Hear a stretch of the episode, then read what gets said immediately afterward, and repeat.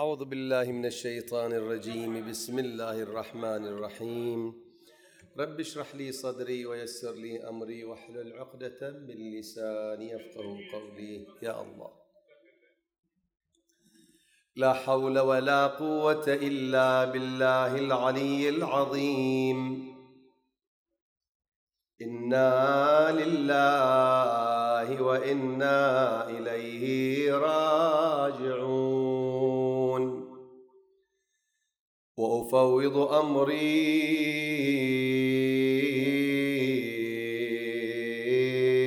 إلى الله.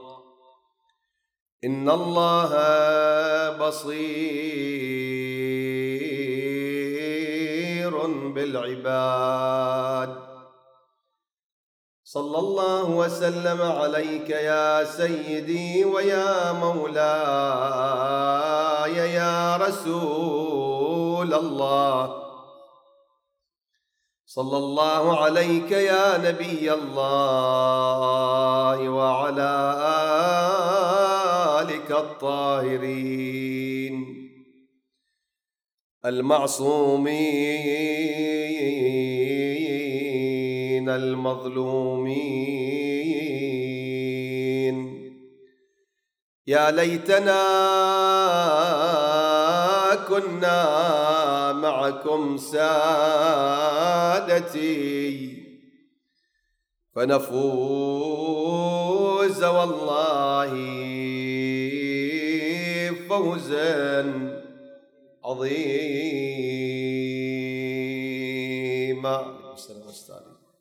يا غريب يا مظلوم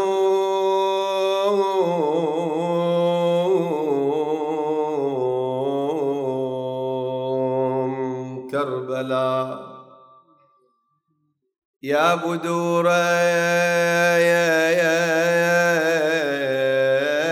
قد غال الخسف لكن لم تزل في الهدى. بدورا تماما. حاولت حاولت ولا تزال تحاول.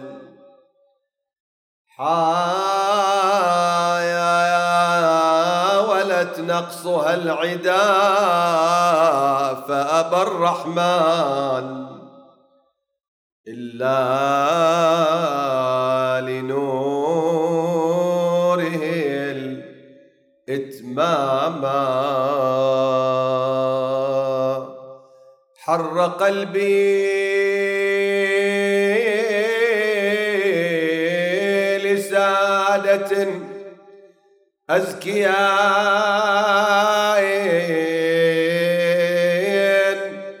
في الطوامير خلدوا أعواما.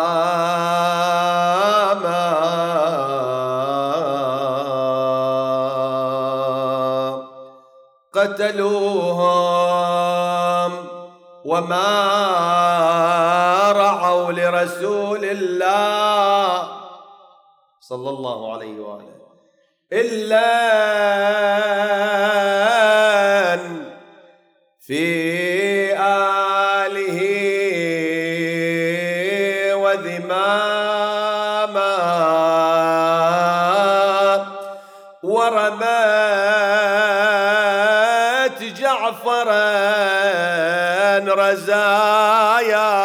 رزايا أرتنا أيوا إماما. وسيدا. ورمت جعفرا رزايا. أرتنا بأبي تلك الرزايا. جساما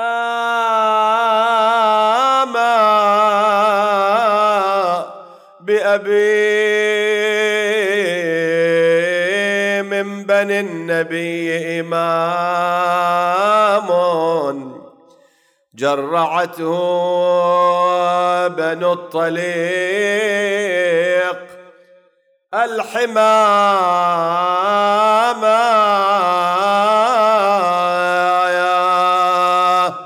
بكل بلدة وكل وادي من أولادي بدر غاب. ذاب قلبي من مصايبهم ومن الراس بكل صباح وكل مسية ينفقد لي ولد شتتهم بالفيافي وما يآوون ببلا خالية منهم منازلهم ولا منهم أحد. بس حرم وأطفال مدوشين من عظم المصاب أويلي بعض عندي في المدينة وبعض هاموا في البرور.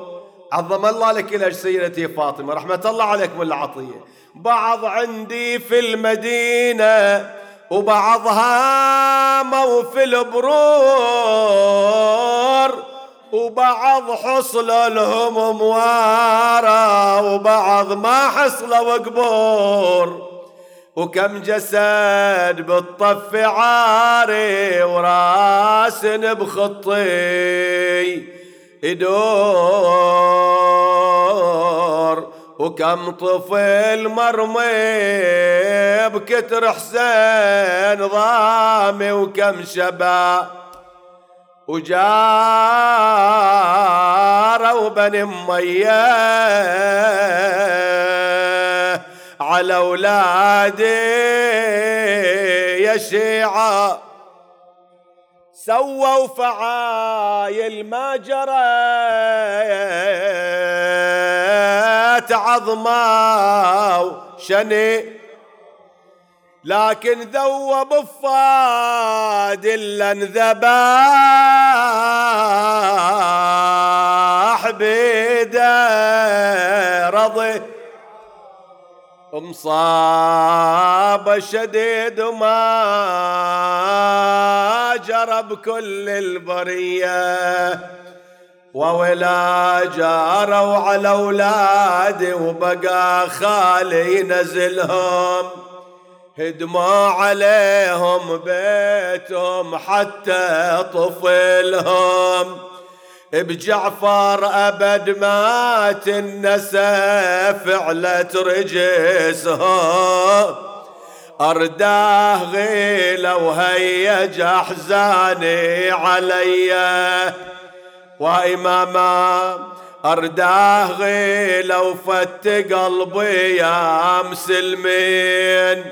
وجدد علي بالمصاب مصيبته. وخلى عليه الدين ينعى وعصبة الدين. صارت بني العباس أعظم من أمية. صح ونادي وإماما إنا لله وإنا إليه راجعون. قال سيدنا ومولانا وإمامنا الصادق جعفر بن الباقر محمد بن علي السجاد زين العابدين ابن الشهيد الحسين بن علي بن أبي طالب سلام الله عليه وعليهم. وعلى أبناء الطاهرين أجمعين. في كلام له لو أن الناس تعلموا محاسن قولنا لاتبعونا. لتعجيل الفرج وشفاء المرضى وفك الأسرى وقضاء الحوائج. وشمولنا وإياكم ومن مضى من هذا الجمع بالمغفرة والرحمة وموت المؤسسين. استزيد لنا ولهم من الحسنات والدرجات بالصلاة على محمد وآل محمد. اللهم صل وسلم على محمد. اللهم صل وسلم على محمد وآل محمد.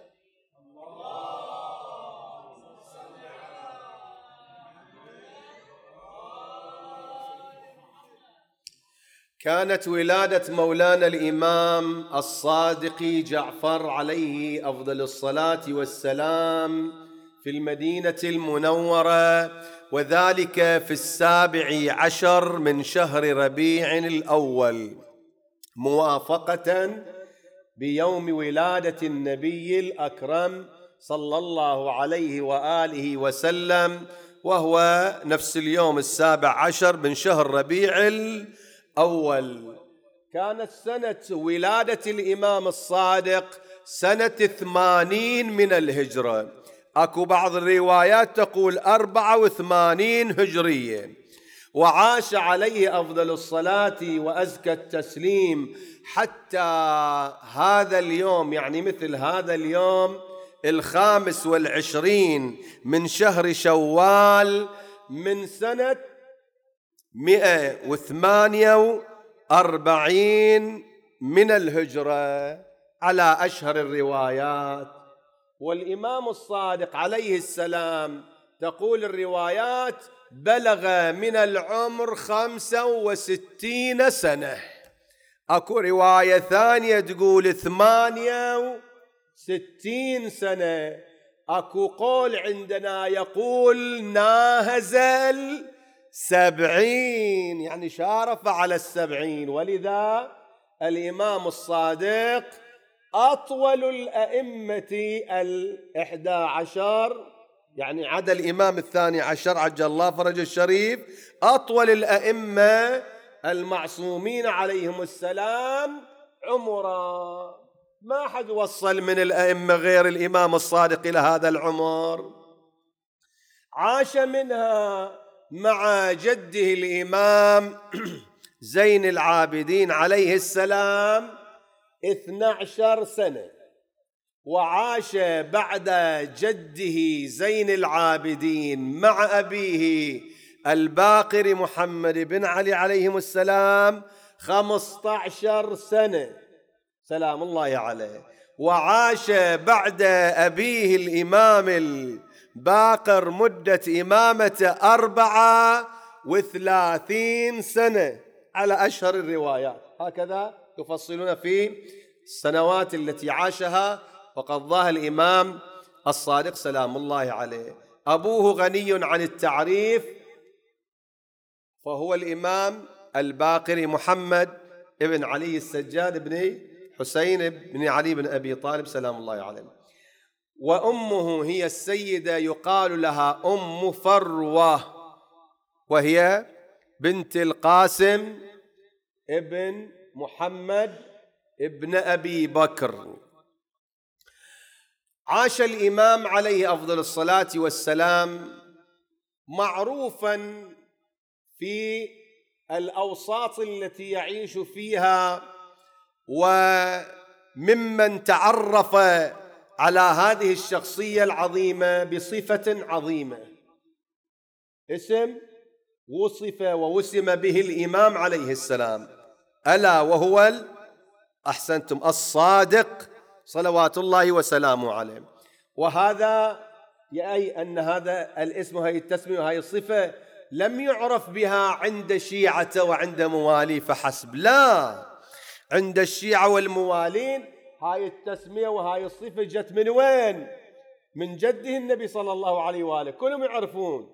أما أن غير الشيعة والموالين عرفوا الإمام بهذا الاسم وهذه الصفة بما ظهر منه عليه السلام واشتهر وعرف به من صدقه في قوله وفي فعله وحسن معاملته ومعاشرة مع الآخرين ايا كان ذلك الآخر سواء كان مواليا أم مسالما أم مخالفا. لا بويا حتى الذين هم على غير دين الإسلام. كانت تجي عند يهود يجون عند نصارى من أجل المحاورات والمناقشات. والأسئلة وإلى غير ذلك فما كانوا يلتمسون منه إلا الصدق في لهجته وفي قوله. ولهذا نزور الإمام الصادق عليه السلام في البقيع. الله يبلغنا وإياكم إن شاء الله. زين واللي ما وصل الله يبلغه إن شاء الله. زيارة البقيع زيارة أهل البيت. تزور هناك السلام على الإمام الصادق في اللهجة والقول. مو هكذا لا كان هكذا صلوات الله وسلامه عليه. عند هاي النقطة ما يخالف تستوقفنا شوي حتى يكون لا يفوتنا هذا الدرس من اسم الإمام وصفة الإمام سلام الله عليه. يقول ولو لم يكن النزر القليل إن شاء الله. كجده صلى الله عليه وآله. اشتهر بين الناس بالصادق واشتهر هو بالصادق. ماذا يريد منا صادق أهل البيت أن نكون مع الصادقين ومن الصادقين. لولا وإلا أنا جيتي اليوم شنو معناته؟ آه جيتي اليوم أنا أحيي شهادتي الإمام الصادق عليه السلام.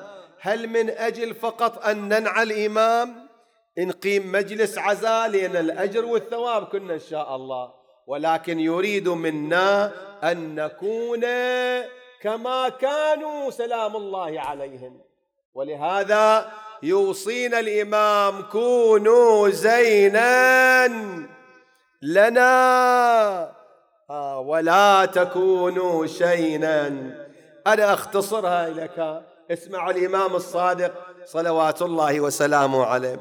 واحد من جماعته من أصحابه يدخل عليه يقول له يا ابن رسول الله يسأل مسألة أيكون المؤمن؟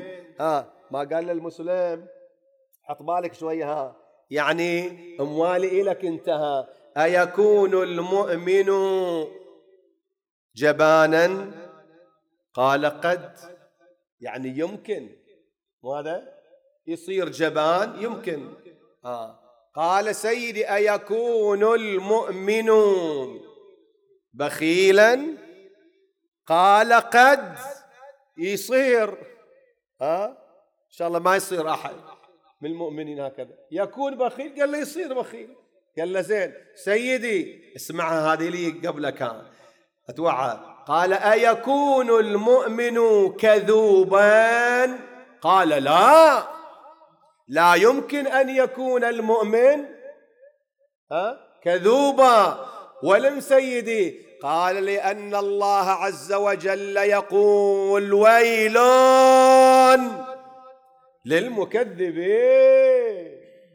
مؤمن وكذاب ما تصير إيه ما تصير ابدا. يعني وش نتعلم من الصادق؟ الصدق صدق في القول. اولادنا صغارنا حتى وأنتم تلعبون ويا بعضكم البعض وتمزحون لا تكذبون مو زين. مو أنت الأب أنتين الأم. لا تقول له الله بوديك النار. لا قول له أنت مؤمن. أنت صادقي أنت جعفري. أنت موالي وإمامك ما يرضى.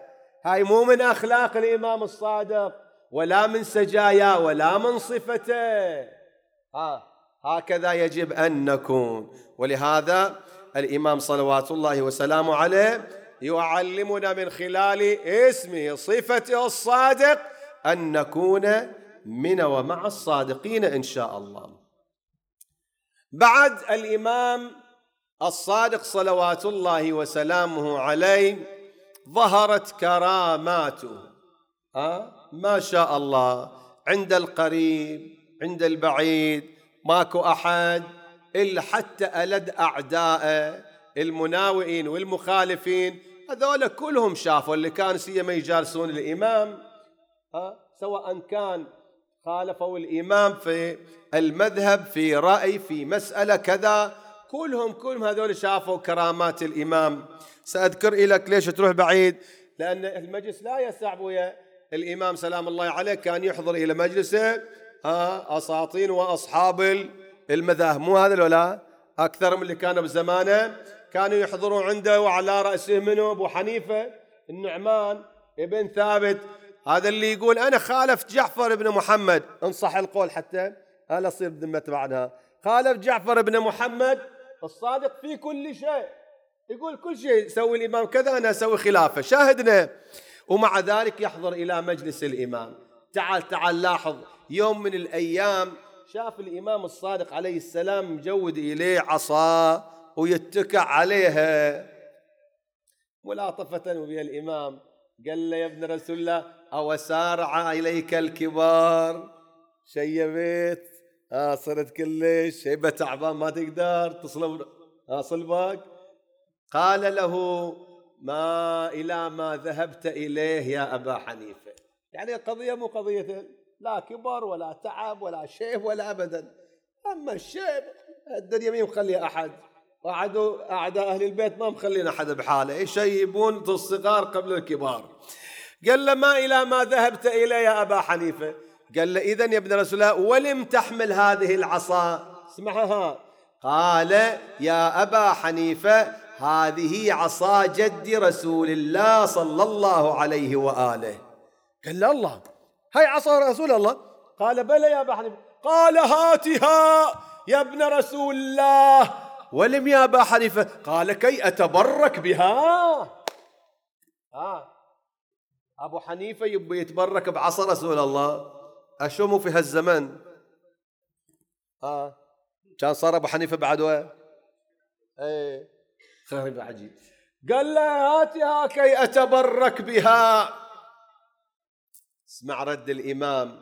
كل لطافة ترها قال ما كنت صادقا أو لست صادقا فيما تقول يا أبا حنيفة. شو اطلع على سريرتها. قال ما أنت صادق قال قال ولم يا ابن رسول الله. سوى الإمام؟ رفع كفه وكشف عن يده وقال له يا أبا حنيفة هذا هو لحم رسول الله. وعظم رسول الله ودم رسول الله يجري في عروقي. فلو كنت صادقا فيما تقول وتريد أن تتبرك لتبركت بهذا اللحم فما قبلت هذه الكف ولا يوم من الأيام. حظه لا. هو قضية بس إحنا نحب أهل البيت. ها؟ نحب الآل. ها لا لا ابويا إن المحب لمن أحب. مطيع وما أكثرهم اللي يقولون إنهم يحبون أهل البيت ويحبون الآل. عدل ولا؟ اكم ما شاء الله يلعلعون فضائيات وغير فضائيات. نحب الآل. أبويا شلون تحبون الآل؟ بأي طريقة؟ ها؟ ولهذا شوف الإمام الصادق شو يقول له؟ يقول له لبعض أصحابه إنما ها يظهرون حقدهم إلينا فيكم. رحم الله. معها رحم الله شيعتنا فلقد أوذوا فينا ولم نؤذى فيهم. لأني أذونكم لأنكم تحبون توالون أبويا. هاي مو كلام كلام الإمام صادق صاحب المجلس أبويا. شاهدنا فالإمام صلوات الله وسلامه عليه كان حتى اللي جالسونه ها يناوونه يخالفونه شافوا كرامات ما شاء الله. حدث ولا حرج من تلك الكرامات. مع أن الإمام سلام الله عليه لو لم يكن إلا له الفضل في تعليمهم. ها؟ بويا شو يقول؟ مو شو يقول من علمني حرفا لا. وصدق هذول صاروا ما نباكم تصيرون عبيد لأهل البيت لكن احترموهم على الأقل. على الأقل هذا صاحب يا أخي جابر بن حيان ها وزرارة وحمران بن أعين وأبان بن ها وغيرهم وغيرهم وهشام بن الحكم.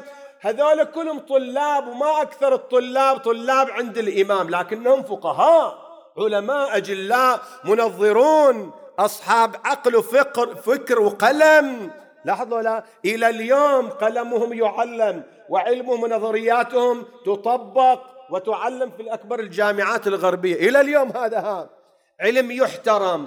إذا كان كذلك اسمع هذول ماذا يقولون؟ كل يجلس في مسجد رسول الله الذي فتحه الإمام الصادق والباقر عليه السلام في مسجد جامع الكوفة ومسجد الكوفة وغيره وغيره. طلاب يجلسون حلقة وفي وسطهم عالم فقيه يحدثهم. ماذا يقول؟ هم اختصرها. يحدثهم في كل درس ويقول حدثني سيدي ومولاي جعفر بن محمد الصادق. سلام الله عليه. إذا كان الفضل الإمام الصادق أنت ليش تنكر فضله؟ إذا كان هالعلم اللي يقول جابر بن حيان والله هذا العلم اللي عندي من طب وغيره وصي... هذا مو من عندي يا جماعة. هذا مو من عندي هذا كله من عند الإمام الصادق. واحد من أصحاب الإمام الصادق شو يقول له؟ يقول له إذا اعترضت عليك مسألة في يوم من المسائل أو مشكلة أو مريض جابوا لك. على جابر يقول له لما يجيبون لك مريض وتعترض عليك قضية من تعارف تعالجه قم وصل لله ركعتين بقصد ماذا؟ قضاء الحاجة. صل لله ركعتين فإن الله عز وجل يلهمك الحل والجواب والعلاج. أنت متصور لو لا؟ اختصر لك قضاء قضية مش طولها بس مختصرها لك. إذا كان هكذا يقول هو المعلم الأول بالنسبة إلينا. ألا يستحق الإمام إجلالا إكراما احتفاء بهذه الشخصية العظيمة اللي علمت وطورت وما اختصرت على فقه ولا على دين ولا على تفسير علوم ما شاء الله فيزياء وكيمياء ورياضيات وجبر وفلك وصيدلة وطب وإلى غير ذلك. علوم باحتها الشريعة المقدسة ولم ترى فيها حرمة. علمها الإمام الصادق سلام الله عليه. بويا قوم جيب لي واحد الآن عندك كل هالعلوم هذه. أنت تحصل يو طبيب تجي في الزراعة ما يفهم شيء مع احترامنا ترى. صحيح ولا عالم على المنبر أحكي لك. لكن تعال قول لي هاي اختربت ميكانيكي أو زراعة. ما أفتن فيه مو شغلتي هذه لكن مع ذلك مو معنات هذا أنني لا أطلع عليها. ومع ذلك علمت شيئا وغابت عنك. أشياء مو هذا لا لكن تعال شوف أهل البيت وعلم أهل البيت. عندهم علم ما كان وما يكون. إحنا مستوعبين هاي القضية لو لا؟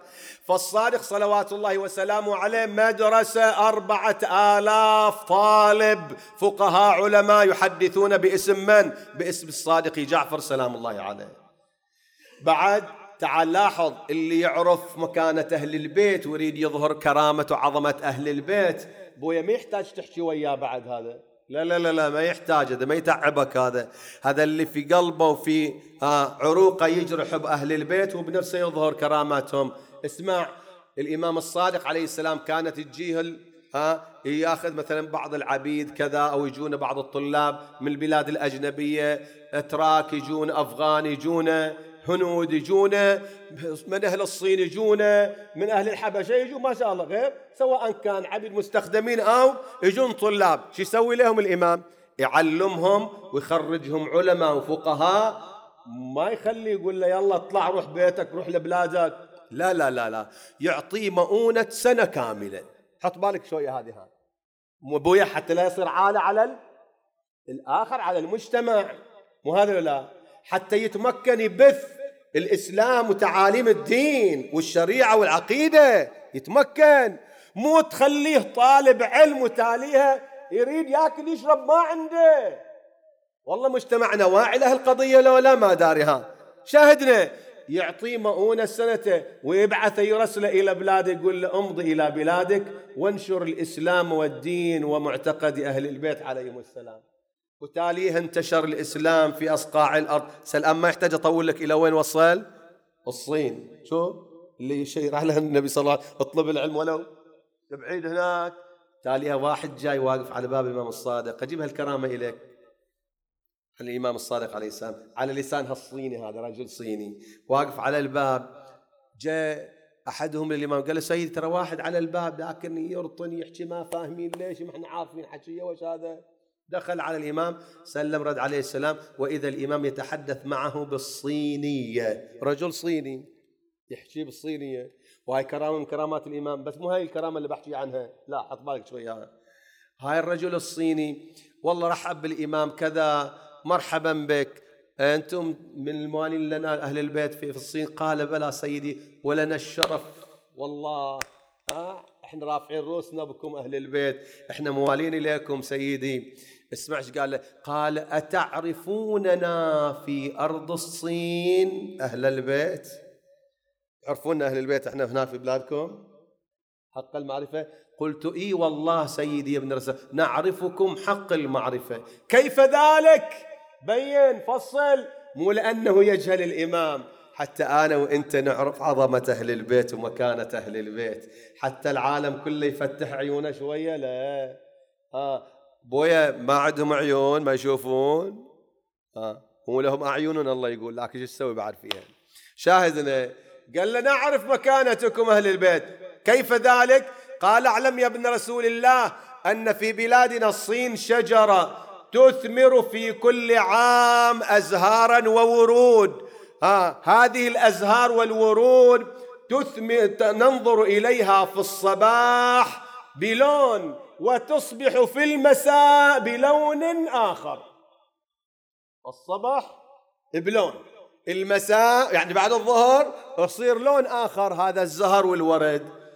قال له زين قال وننظرها في الصباح عندما تخرج بلون مكتوب على تلك الأزهار والورود لا إله إلا الله محمد رسول الله اللهم صل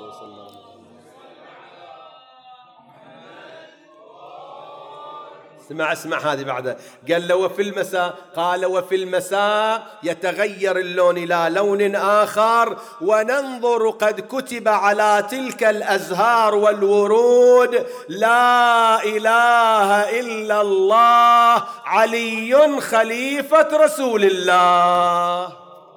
اللهم صل وسلم. حدث ما شاء الله من كراماته. سلام الله عليه. وكرامات أهل البيت. آه.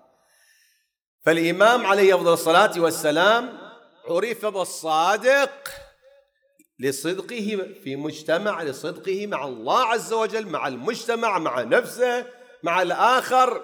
أخلاقه القرآن خلق النبي الأكرم صلى الله عليه وآله وورد في صفاته.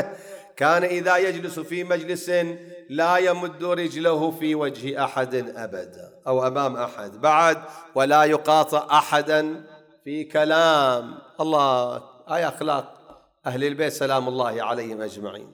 كون اليوم إن شاء الله ونحن نعيش سيرة هذا الإمام العظيم نتعلم من سيرته آه حتى يكون فعلا إن شاء الله نحن وإياه على طريق واحد.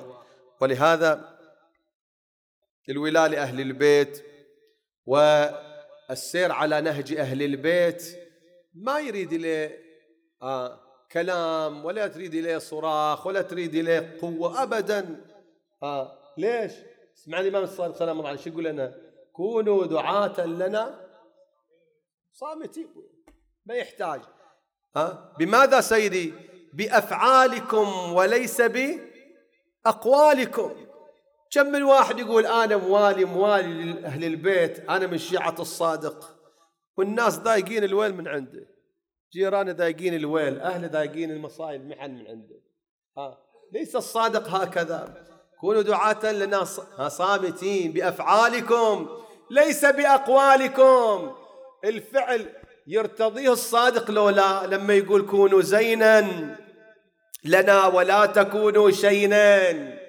أنا متصور عظم هالكلمة لو لا أنا أطبق هالكلمة لو لا. الإمام الصادق ما يريد من عندنا شباب أولادنا. الإمام الصادق ما يريد من عندي في الشارع لما أنا أطلع أشغل إلي عزا وأطول على العزا إلى آخر الشارع. لا أنا أنا شيعي أنا أسمع عزا.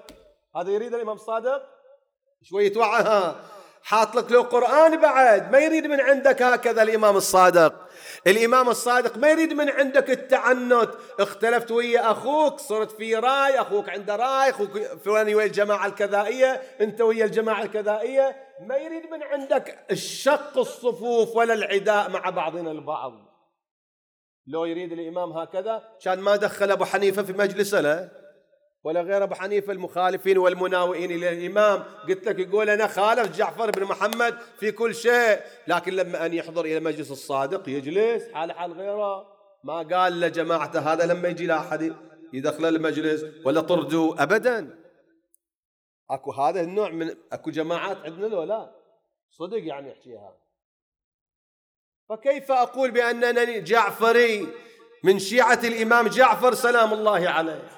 ما يريد من عند الإمام صلوات الله وسلامه عليه أن أظهر ها على أنني هاي صفات الشيعي الموالي وأتعنت في جانب أو أنني أصر على رأي ولا أتنازل. ولهذا الإمام يبين أي الشيعة قال الذين خلقوا من طينتنا طينة أهل البيت صفاتهم شو من رسول الله وانت جاي إنك لعلى خلق. عظيم القرآن يبين إليه. ها؟ شلون هاي الأخلاق؟ شاهدنا.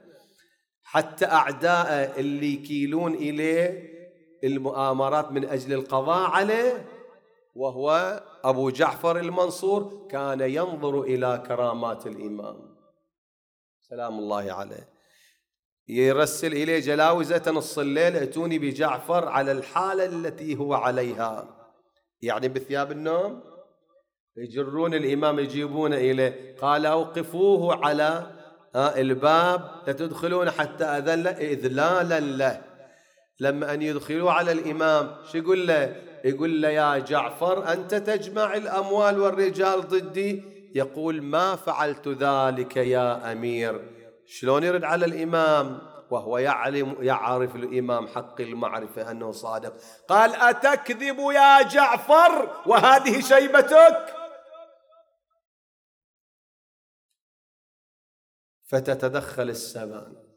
تقول الرواية رأى تنينا عظيما. يريد أن ينهش من لحمه قال لئن مسست جعفر بن محمد فريت لحمك بدمك. خاف على نفسه فنادى من الذي أتى به في هذه الساعة؟ ارجعوه إلى داره معززا مكرم.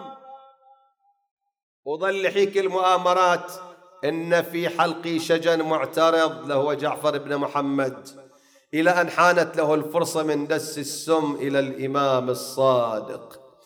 فلما أن ذاق ذلك السم بقي بأبي وأمي على فراش المرض وقد نحل جسدي وإماما وسيدا وكان آخر ما أوصى به الإمام من تعاليم من إرشاد من وصايا نادى علي بأهل بيتي جمعوا له أهل بيته وقال نادوا من بقي منهم وأرسلوا له يحضر ولما اجتمعوا كلهم أقارب وأرحام فتح عينه فيهم وقال والله لا تنال شفاعتنا مستخف بالصلاة. أو قال من استخف بصلاته آجركم الله ثم أوصى بوصايا إلى أن أوصى بوصيته إلى ابن الإمام موسى بن جعفر. شيع موالين لما انقربا يا جلا وحان حين يا عرق جبينا سكن أنينا مد يده ورجله قرأ آيات من القرآن تشهد الشهادات. لا يزال لسانه رطب بذكر الله. أحسن الله لنا ولكم العزاء. فبينما هو كذلك إذ فاضت روحه الطاهرة. ألا من مناد وإماما وسيدا ما جت أرض المدينة بأهلها موجان السفينة في البحر العاصف خرجوا يلطمون وهم ينادون وإماما ومصيبتا خرج الإمام الكاظم يلطم وينادي وابتا إلى أين قام في جهاز والده ودموع جارية على خده غمض عيونه وقطع أعونا وفاضت الروح. وارتفع من بيته ضجيج الحرام والنار ناح السماوات العلا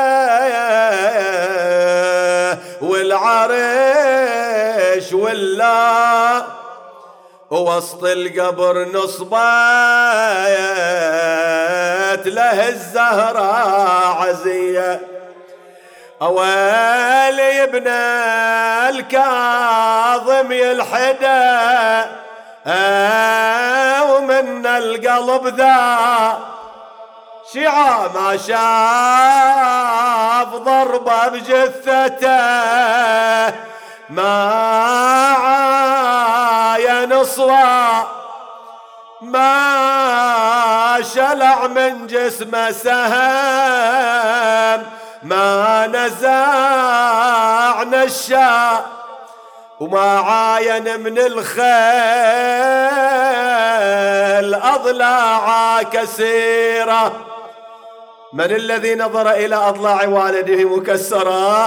قال يا ساعد الله قلب أبوه آه محمد السجاد حمك الله سيد محمد صالح العداني من عاد يلحد والده ويدفن الأجساد سبعين جثة الليل. دفنها وسط للحا. بقبور ناس وناس حطم بالحفيرة. وإماما وسيدا فصل إلى النحالة قالوا الشيخ العشير بار يا جثة بلارا حطوا على صدر الطفل مخمود الانفاس وجنب الشريعة جهز جنازة العباس والأكبار واخوانه بكتر شيخ العشيرة. ولو الأكبار واخوانه بكتر شيخ العشيرة. هاجركم الله أحسن الله لنا ولكم العزاء. أقبل المؤمنون يعزون الإمام الكاظم. عظم الله لك في والدك الصادق. إن كان موسى عقب جعفر قعد ينعى. والناس والأملاك حضروا في معزة السجاد شبل حسين سافر مع يتامى. من الكوفة إلى الشام في ذلة وكسيرة. ورايا رايحن أرض المدينة. يا رايحن أرض المدينة. إن عن نبي وبنته وبنينا. إن عن نبي وبنته وبنينا. ونعالهم طاد إلينا. ابنكم الصادق يا ولينا.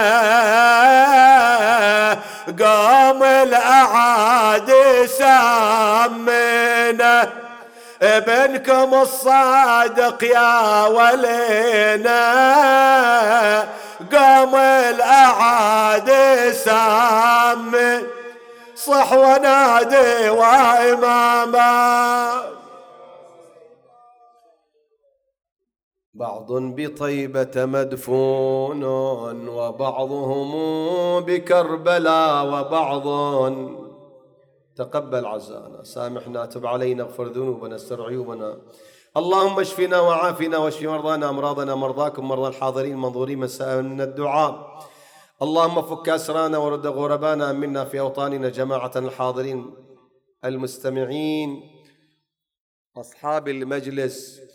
بارك اللهم لنا ولهم في الأرزاق وأطل في الأعمار بجاه النبي وآله الأطهار واهد اللهم ثواب وأجر وبركات هذا المجلس إلى روح وضريح النبي الكريم وآله الطاهرين وجميع الأنبياء والمرسلين والأولياء والصلحاء والمؤمنين لا سيما إلى روح المرحومة حسينية علي عبد الله إسماعيل وابنتها كوثر خليل علي إبراهيم ناصر والمرحومين من عائلتهما. وأرواح موتى المؤمنين والمؤمنات نهدي لهم جميعا ثواب الفاتحة مع الصلوات.